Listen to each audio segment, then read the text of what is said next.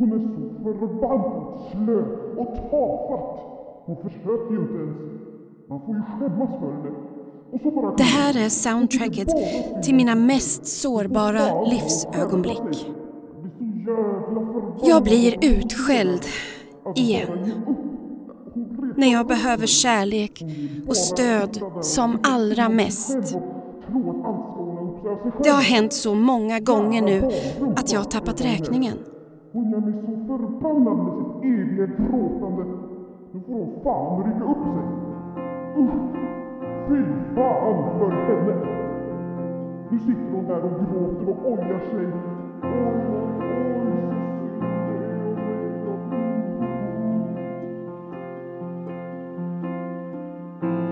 Det hände när jag valde att lämna min förövare och var på botten av mitt liv. Och det hände veckan efter min våldtäkt då jag fick en panikångestattack av min PTSD. Alltså stunder då jag hade behövt förståelse, hänsyn, respekt, värme och kärlek.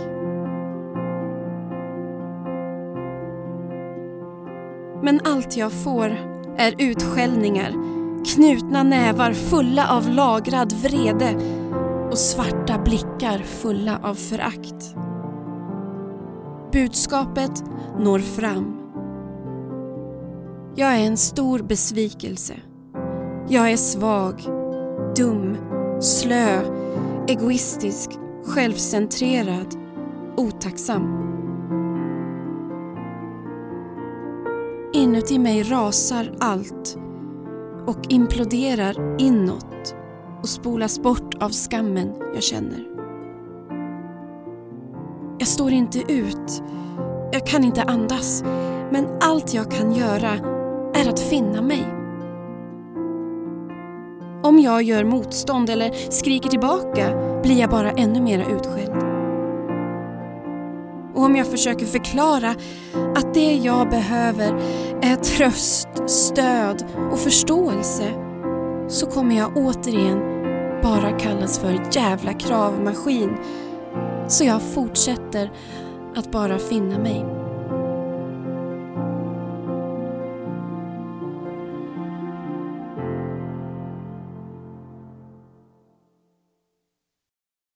När jag får in en epilog från författaren och föreläsaren Jessica Tåström återkommer dessa minnen av utskällningar till mig. Hon sätter ord på det i sin berättelse. Det gör ont i mig att veta att inte hon heller blivit sedd, hörd eller tröstad i sina mest sårbara livsögonblick. På ett sätt är det nästan värre att bli sviken av sin omgivning när man behöver dem som mest efter ett trauma än själva traumat i sig. För mig personligen är det helt otänkbart att skrika, skälla och gorma på någon som har upplevt ett trauma. Eller på någon som är eller har varit svårt sjuk, varit i en olycka, blivit misshandlad, rånad, sviken eller förödmjukad. Det finns inte i min värld att bete mig så hänsynslöst mot någon som är i nöd. Någon som famlar i mörkret efter trygghet, värme och kärlek. Det jag hade behövt istället för utskällningarna pratar jag om i avsnitt 11, Råd till anhöriga.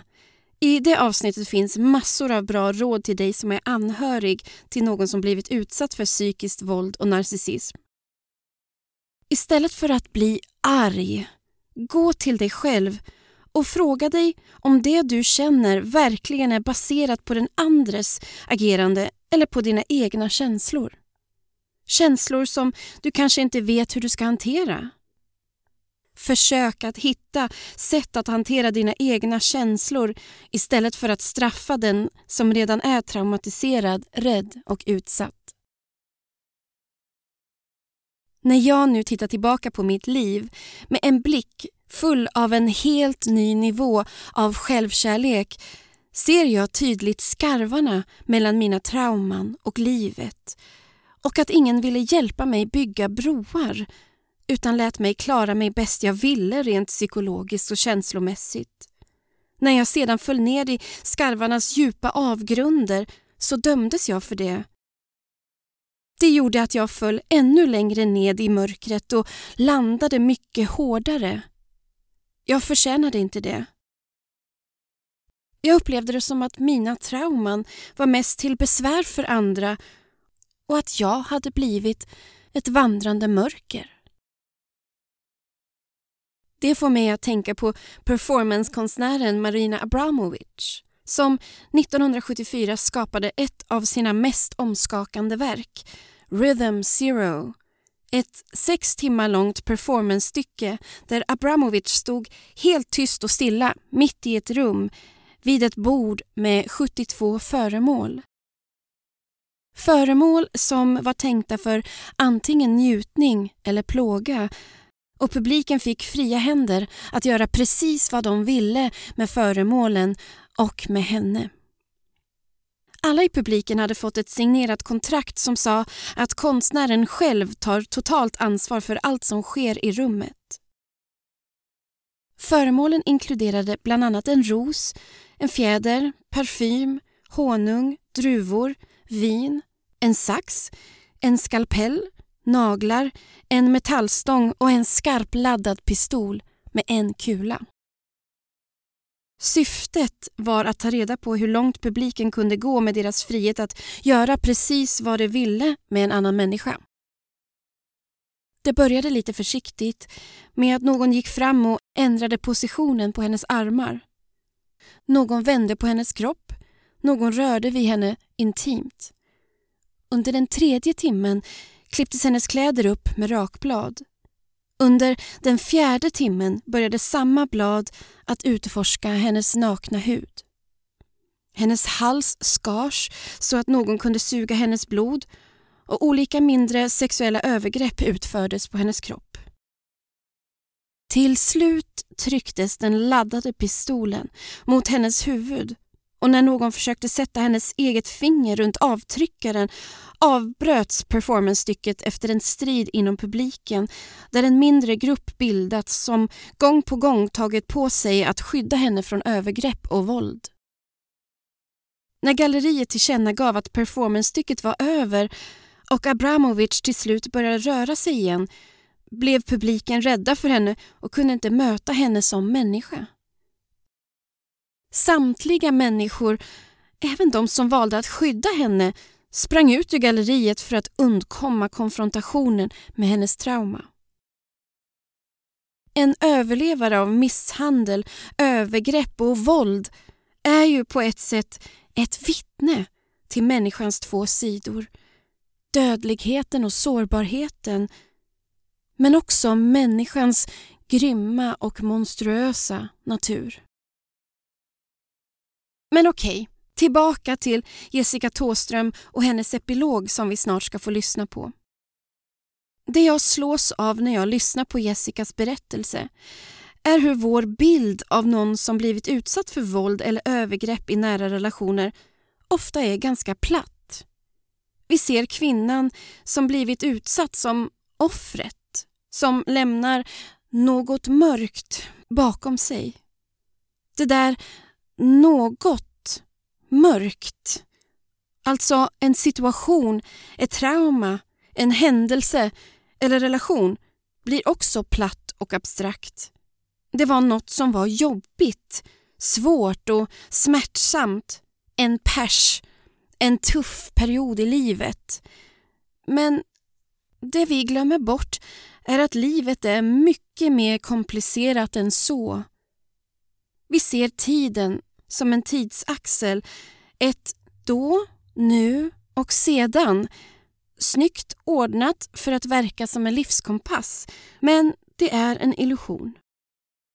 Vi bär ständigt med oss hela tidsaspekten med ryggsäcken full av minnen och upplevda trauman från förr och alla problem att lösa här och nu och alla planer för morgondagen samt drömmar och längtan om ett framtida liv.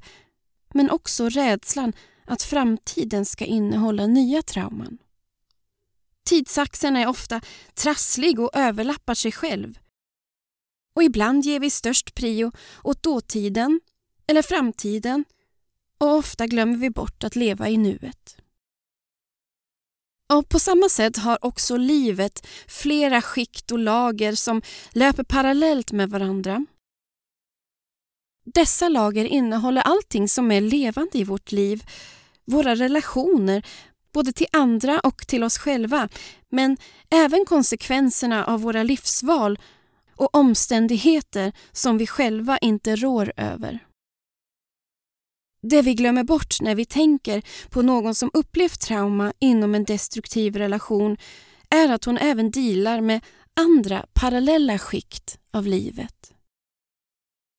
Hon kanske jonglerar sin traumaläkning med det som kallas eftervåldet. Alltså det skit som förövaren lyckas skapa för henne efter att relationen tagit slut i form av stalking, trakasserier, smutskastningskampanjer som isolerar henne socialt.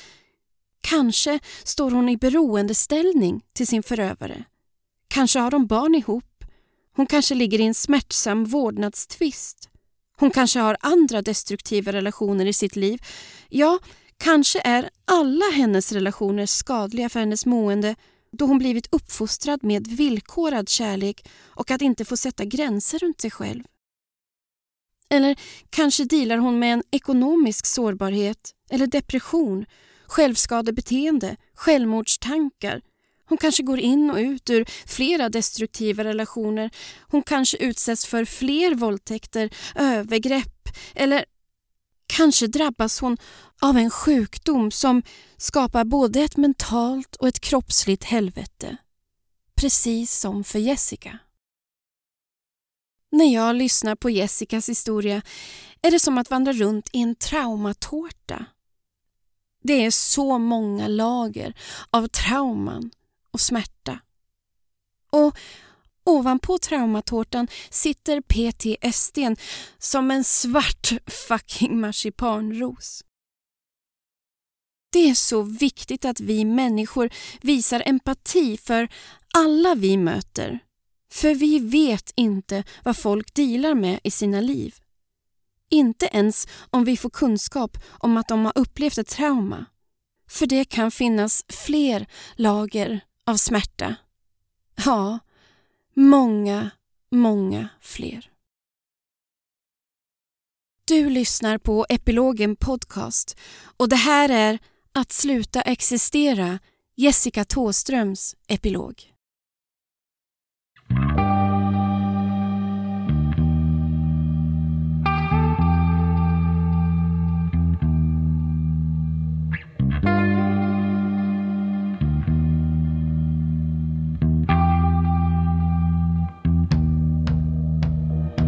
Natalia var en person som hjälpte mig otroligt mycket.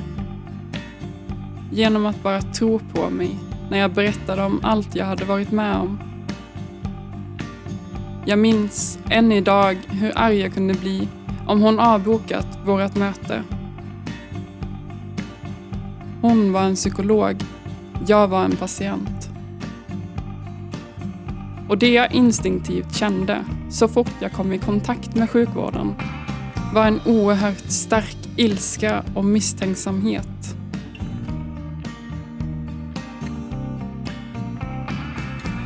Anledningen till ilskan är egentligen en självklarhet.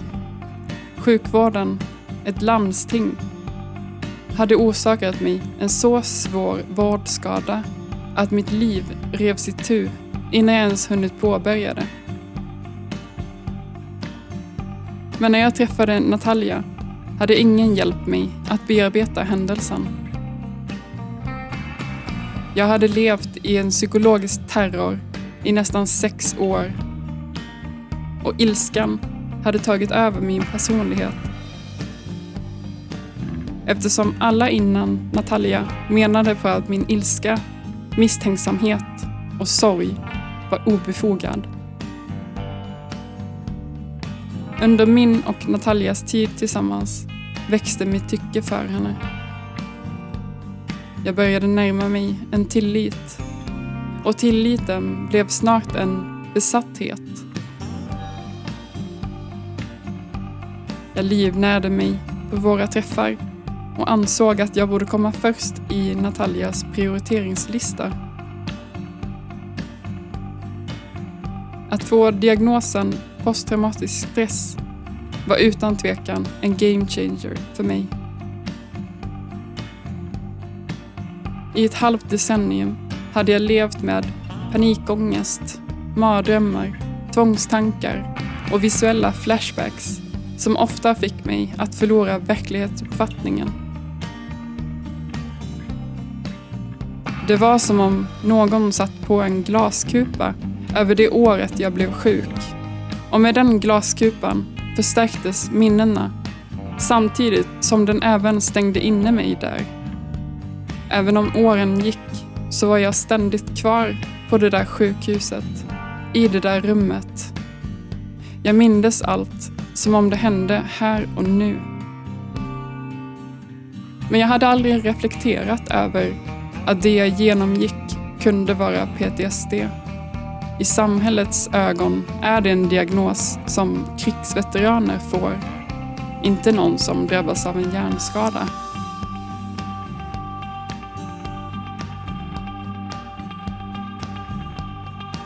En person som utsätts för en överfallsvåldtäkt kan mycket väl utveckla PTSD. Men vanligast är att man utvecklar det efter att ha utsatts för en våldtäkt av någon man känner. Och mina två trauman ledde till två posttraumatiska stressdiagnoser.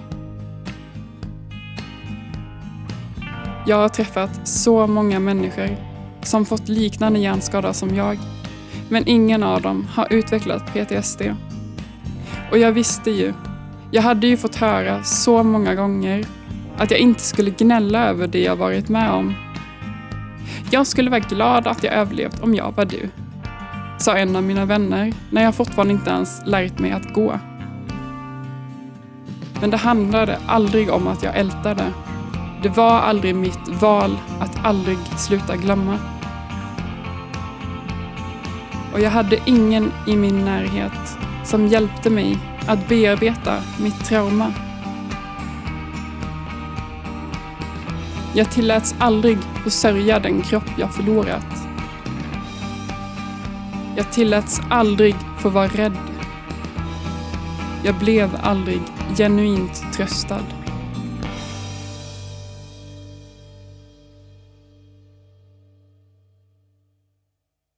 Allt började med en hjärninfarkt som sjukvården inte tog på allvar. Till slut blev jag förlamad och hamnade i respirator i en vecka. Efter det har jag minnesluckor i en månad. Ytterligare två månader passerade och jag skrevs ut till den verkliga världen. Men då hade hela mitt universum redan kollapsat flera gånger om. Jag var så rädd. Varje morgon kändes det som att dö.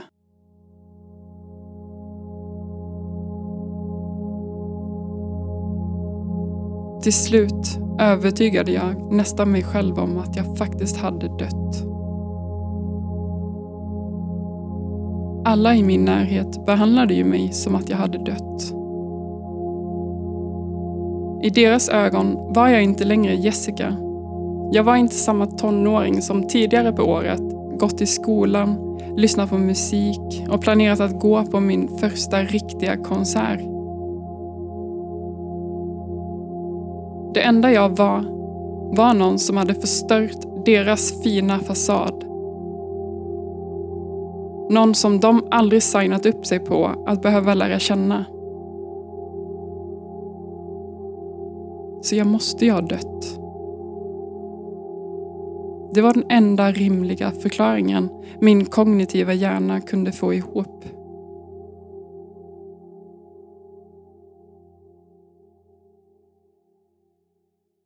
Sex år senare fick jag diagnosen PTSD. Och det öppnade upp så många dörrar. Det skapade ett intresse för hur komplex hjärnan är. Den är otroligt fantastisk. Men den kan också vara helt jävla korkad. Hjärnan tror att den gör något smart, att den skyddar oss. Men när den sänder ut sina signaler kan den ibland haka upp sig och slå på för stort i hopp om att fånga vår uppmärksamhet. Finns det ett hot är det jättebra, men vid PTSD blir det emotionellt utmattande att hela tiden få varningssignaler om att det finns hot i allt. Minsta sak som påminner om något, som påminner om själva traumat, blir ett hot. Om jag under min sjukhusinläggning bara hade haft en enda person i min närhet som lät mig få sörja, som höll om mig och sa att allt skulle bli bra, ja, då hade jag förmodligen inte blivit så traumatiserad. Men det fanns ingen. För de som var där var inkapabla att validera mig i det jag gick igenom. De kunde inte förmedla sin oro för framtiden på ett lugnt och förnuftigt sätt. Det enda de kunde göra var att skrika och den de skrek på var mig. Så istället för att ge mig trygghet fick jag under tre månaders tid både utskällningar och hån om hur mycket jag förstört. Och jag tvingades svälja det, för med min förlamade kropp befann jag mig i en fullkomligt maktlös position.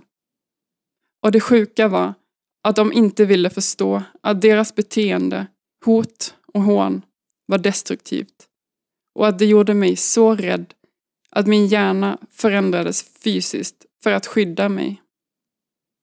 Det var sjukvården som gjorde mig sjuk. Men det var så många andra i min närhet, människor jag älskade, som försatte mig i en dödsångest som pågår än idag. Om inte du hade valt att åka hem så hade det här aldrig hänt, är ord som ekar i mig än idag. Är det tacken för att vi höll din hand när du var nedsövd? Så det är självklart att jag tog på mig skulden när jag fick hjärnskadan. För det var ju mitt val att bli sjuk. Eller? Kvällen innan jag vaknade upp som förlamad var jag på akuten. Och om inte jag, när jag låg och kräktes av smärtan från den hjärninfarkt sjukvården ignorerade, om inte jag bönat om att få åka hem så hade det inte hänt. Jag hade kanske inte blivit förlamad. Men sjukvårdspersonalen vägrade röntga mig. Och alla skrek och jag hade så ont i huvudet. Jag ville bara sova. I sömnen hade jag inte ont. Jag var ett barn när jag blev sjuk.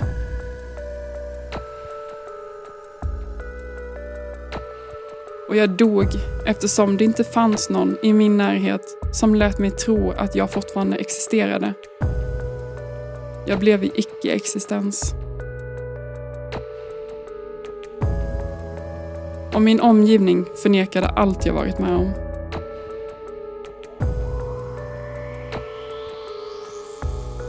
Deras förnekelse lämnade mig ensam i att minnas och därigenom upplöstes jag till ingenting. Jag var inte längre en del av världen. Jag tillhörde inte någon värld. De jag älskade hånade mig för det jag var och jag förstod att det var så kärlek måste kännas. Kärlek är att någon går över min gräns. Kärlek är att bli hånad, slagen, hotad och förminskad. Det fanns inget skyddsnät, ingen trygg famn, ingen som sa du är här. Så under sex år trodde jag att jag fortfarande var kvar där, på sjukhuset, utanför världen, i icke-existens. Världen blev en skrämmande plats fylld av nya möjligheter att bli sjuk. Så ju mindre jag deltog i livet, desto mindre risk fanns det att jag skulle bli sjuk igen hamna i respirator igen. Att min pojkvän var otrogen mot mig med min bästa vän igen. Traumatiserad och dö igen. Så jag isolerade mig stora delar av min tonår. Och eftersom kärlek var samma sak som att bli behandlad respektlöst sökte jag mig till människor som gjorde just det. En av dem trädde in i mitt liv ett år efter hjärnskadan. Jag behövde någon som sa sanningen. Någon som inte drog ut på lidandet. Visa mig med en gång vem du verkligen är så jag slipper bli lika överrumplad som jag blev av hjärnskadan, av mitt ex otrohet, min bästa väns svek. Jag och den här killen hade ett passionerat, intensivt men väldigt kort förhållande. Vi sa att vi älskade varandra redan andra dagen, men jag tror inte att någon av oss visste vad kärlek faktiskt var. Han bekräftade hur värdelös och tragisk jag var. Han var allt det som jag fått höra var så himla bra. Honom ska du hålla hårt i, sa en före detta vän. Var snäll mot honom, för han är en så fin kille. Och jag skulle vara tacksam över att han ville vara med någon som mig. Första slaget kom ungefär en månad in i vårt förhållande. Jag blev helt mållös. Och han hånlog åt mig. Så här i efterhand vet jag inte om det var redan då som jag blev rädd för honom. Att oförutsägbarheten i honom gjorde mina muskler på helspänn. Men mitt val var att antingen stanna i det bottenlösa mörker jag levde i där hemma i den håla jag bodde i. Eller att välja han vars ögon sa att han visste att han kunde knäcka mig som om jag vore en kvist. Två månader efter att vi blev ihop tog han med mig till en stad jag aldrig varit i förr. Jag lämnade min käpp hemma och höll krokarm med min pojkvän. Det var isigt ute och jag ramlar inte lika lätt om jag håller i någon på det sättet. Jag var nervös för vi skulle på fest och det var länge sedan jag träffat någon annan än min pojkvän eller min familj. Min värld hade krympt mer och mer sedan jag blev sjuk. Så en fest kändes främmande. Knappt ett halvår efter utskrivningen lärde jag mig att ju mer alkohol jag drack, desto mindre skulle någon märka varför jag vinglade när jag gick. De skulle tro att vi var likadana. Jag skulle få vara en del av gruppen. Jag hade klätt upp mig i mitt finaste linne och en svart vid långkjol som nådde mig till knäna. Mitt svarta hår var rakat i två breda sidecuts och jag bar mitt nithalsband. Det är svårt att sminka sig med bara en hand Särskilt när man har synfältsbortfall på båda ögonen. Så min hårda kajal var ojämn. Men jag kände mig ändå så fin bredvid min pojkvän och hans långa vilda hår. Festen var anordnad av bekanta till min pojkvän. Förutom hans syster hade jag inte träffat någon av dem. Det var lång väg dit och eftersom jag aldrig besökt staden tidigare visste jag inte hur långt det var kvar. Det är inte så långt, sa han. Men på grund av min förlamning behövde jag veta exakt för att kunna räkna ut hur mycket energi jag behöver lägga på min gång. För ju tröttare jag blir, desto mer slarvig blir min gång. Och ju mer slarvig min gång blir, desto större risk är det att jag ramlar. De branta backarna tycktes fortsätta i en evighet och till slut klarade jag inte av att gå längre. Mina lungor var inte vana vid ansträngningen och mina höfter och knän värkte av smärtor. Min pojkvän lyfte upp mig och bar mig i sin famn sista biten. Jag skämdes. Visst var jag tacksam över att han bar mig, men ja, jag skämdes över att inte kunna gå själv. 17 år. På festen drack vi tills det inte fanns något mer att dricka. Musiken dunkade, folk runt omkring. Sorlet gjorde mig trött men det var underbart att få umgås med min pojkvän och alla andra ungdomar. Jag vågade inte prata särskilt mycket med någon av dem. Det var jag alldeles för blyg för att ens försöka med. Jag var så ovan vid att tillhöra ett sammanhang. I alla fall med människor som var unga. Människor som inte tillhörde sjukhusvärlden. Jag var ovan vid att inte vara endast en patient. Så självklart blev jag berusad. Av inte bara alkohol utan framförallt känslan av att existera.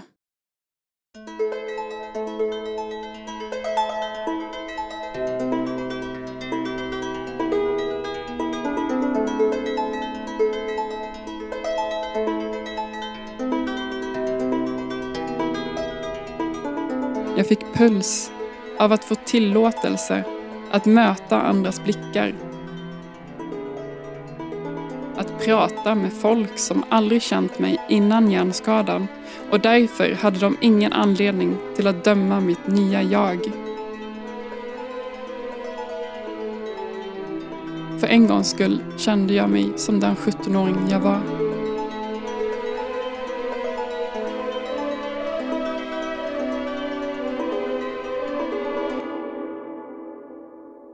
Men när klockan var långt efter midnatt och festfolket började droppa av satt jag och min pojkvän i trapphuset. Och han var så full att han grät. Snoret rann i hans ansikte och han yrade om att han inte ville ljuga mer för mig. Han hade sagt att han bara legat med sju andra tjejer innan mig. Men nu var det plötsligt viktigt att jag skulle få veta att det handlade om 20 tjejer. Jaha. Vi tog oss in i sovrummet och höll om varandra. Det var nu det skulle ske. Jag skulle få existera.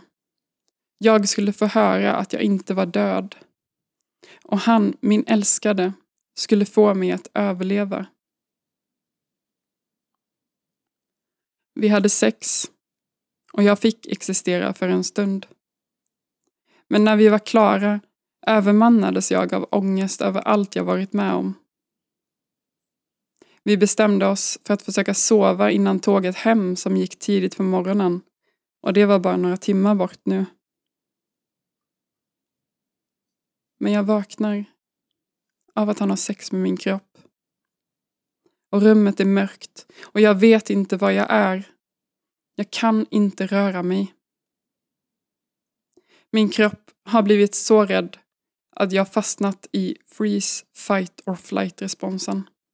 Människans överlevnadsfunktion. Hela min kropp var som fastfrusen. Och jag var livrädd att om jag rörde mig så skulle han slå mig igen. Med varje stöt han utför dör jag ännu lite mer.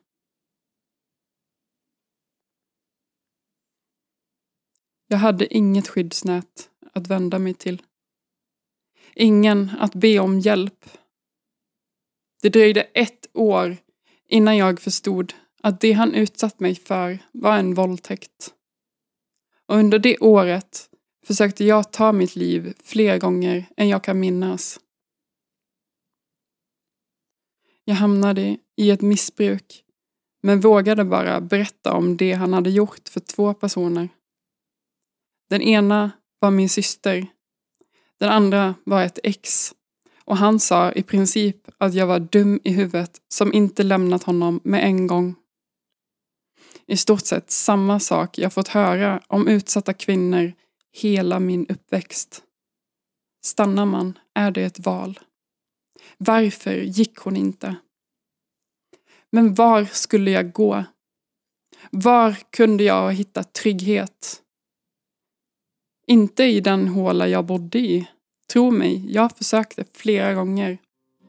Men i och med min hjärnskada och mitt redan existerande utanförskap hade jag ingen röst som var av värde. I don't know if this is true. But every time I look back on the years, I feel like I wasted my youth. I get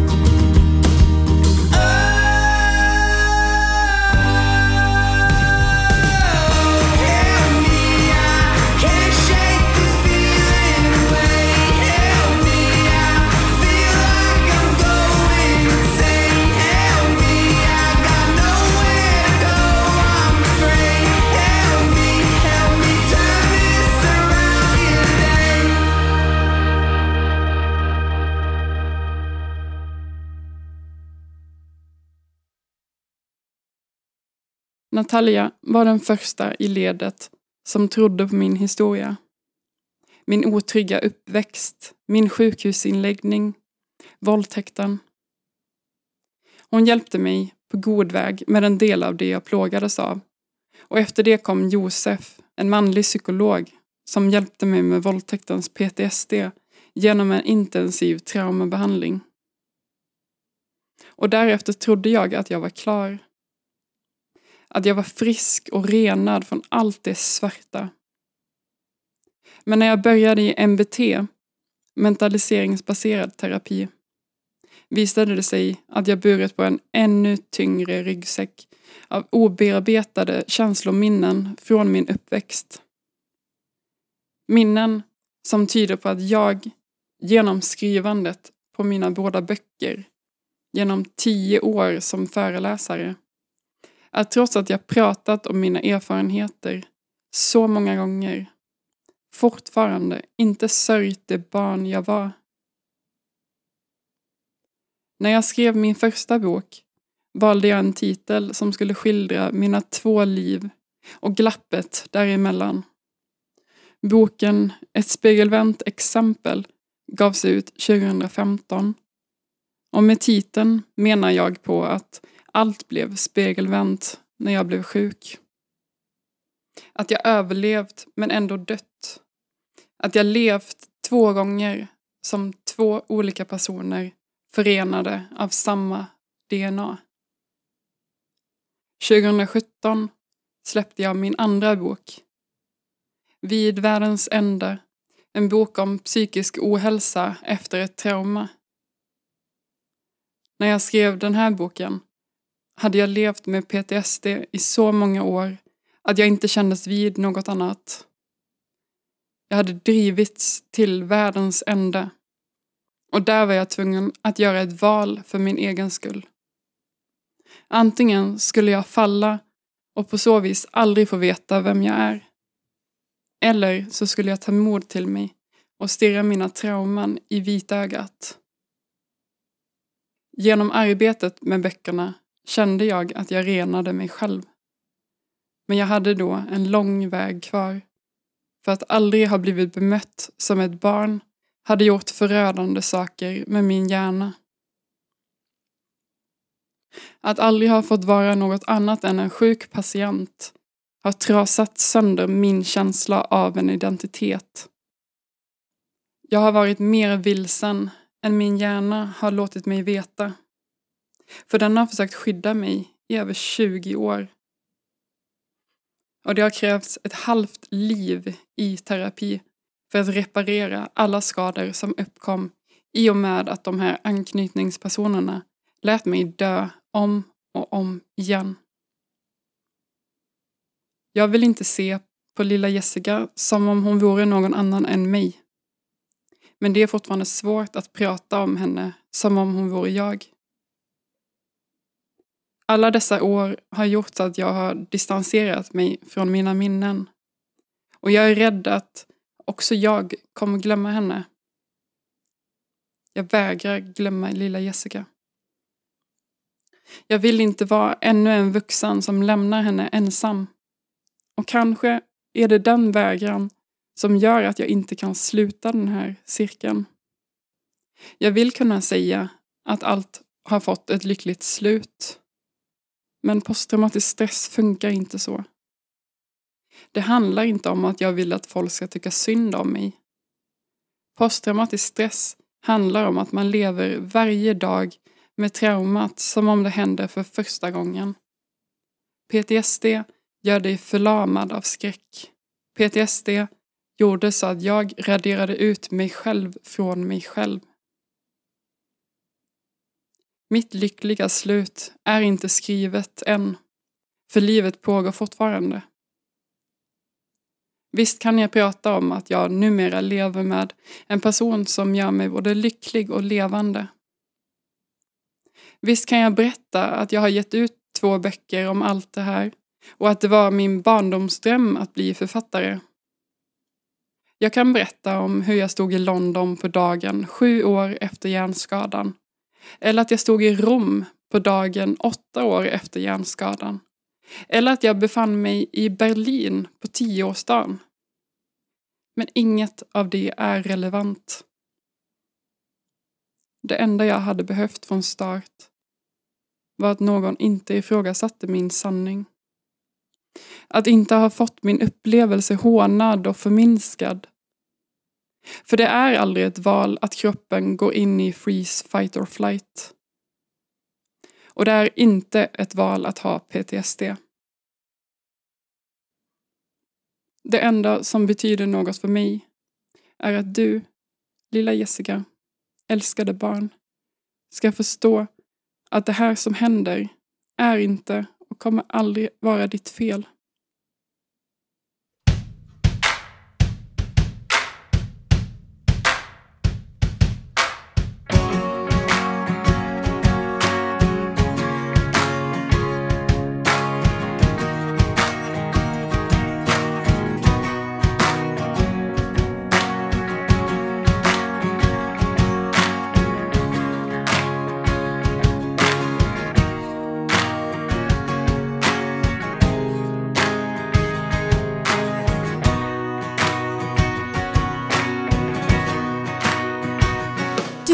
Lyssnat på Epilogen Podcast. Tusen tack till dig Jessica. Vilken fantastisk person du är som kan förmedla dina trauman på ett sådant innerligt och ärligt sätt. Utan att försköna kampen om att hitta tillbaka till livet igen. Det är en sann Hero's Journey att brotta sig loss ur ett trauma svans av PTSD-symptom. Men den innehåller inga eldsprutande drakar. Endast känslor och minnen som måste arkiveras rätt. Tack att du skrivit dina böcker för att sprida kunskapen om trauma och PTSD vidare. Även stort tack till dig som lyssnat och till dig som valt att dela den här podden med andra. Jag som producerar Epilogen Podcast heter Mia Makila.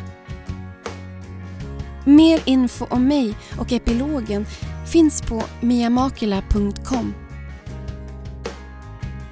Följ gärna Epilogen Podcast på Facebook och Instagram jag postar dagligen inspirerande och motiverande inlägg. Om du vill dela med dig av din egen berättelse i podden eller bara vill ge lite feedback. Maila på epilogenpodcast gmail.com Musiken i avsnittet är poddsäker. Mer info om vilka låtar finns i avsnittsbeskrivningen. Och sist men inte minst, ta hand om er.